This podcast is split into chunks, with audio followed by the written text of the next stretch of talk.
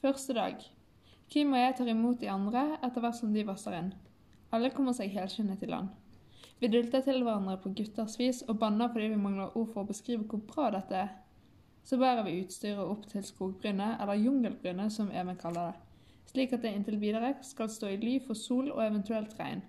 Lettbåten trekker vi langt opp på stranden og binder den i tillegg fast til en palme.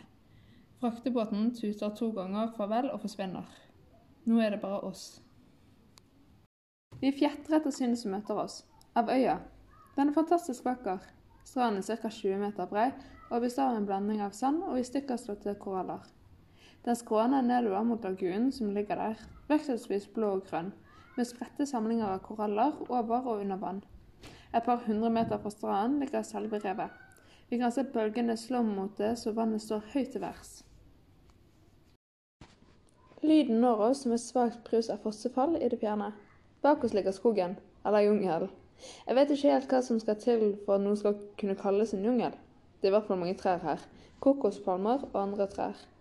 En mengde kokosnøtter ligger på bakken og skyter skudd som med litt flaks kan bli til nye palmer. Og det ligger brune palmeblader overalt.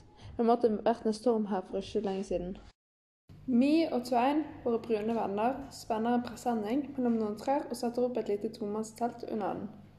De inviterer oss til å slå opp vårt telt ved siden av deres, men vi har litt uråd på tanken på at vi skal ha vår leirkloss inntil dem, så vi går en liten runde for å se om vi kan finne et bedre sted.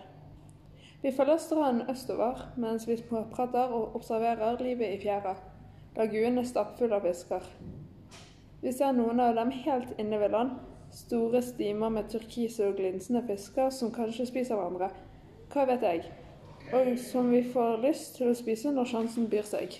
På korallene i vannkanten kravler og krafser det i et kjør. Krabber eller kreps eller hva det er, skjuler seg når vi kommer forbi.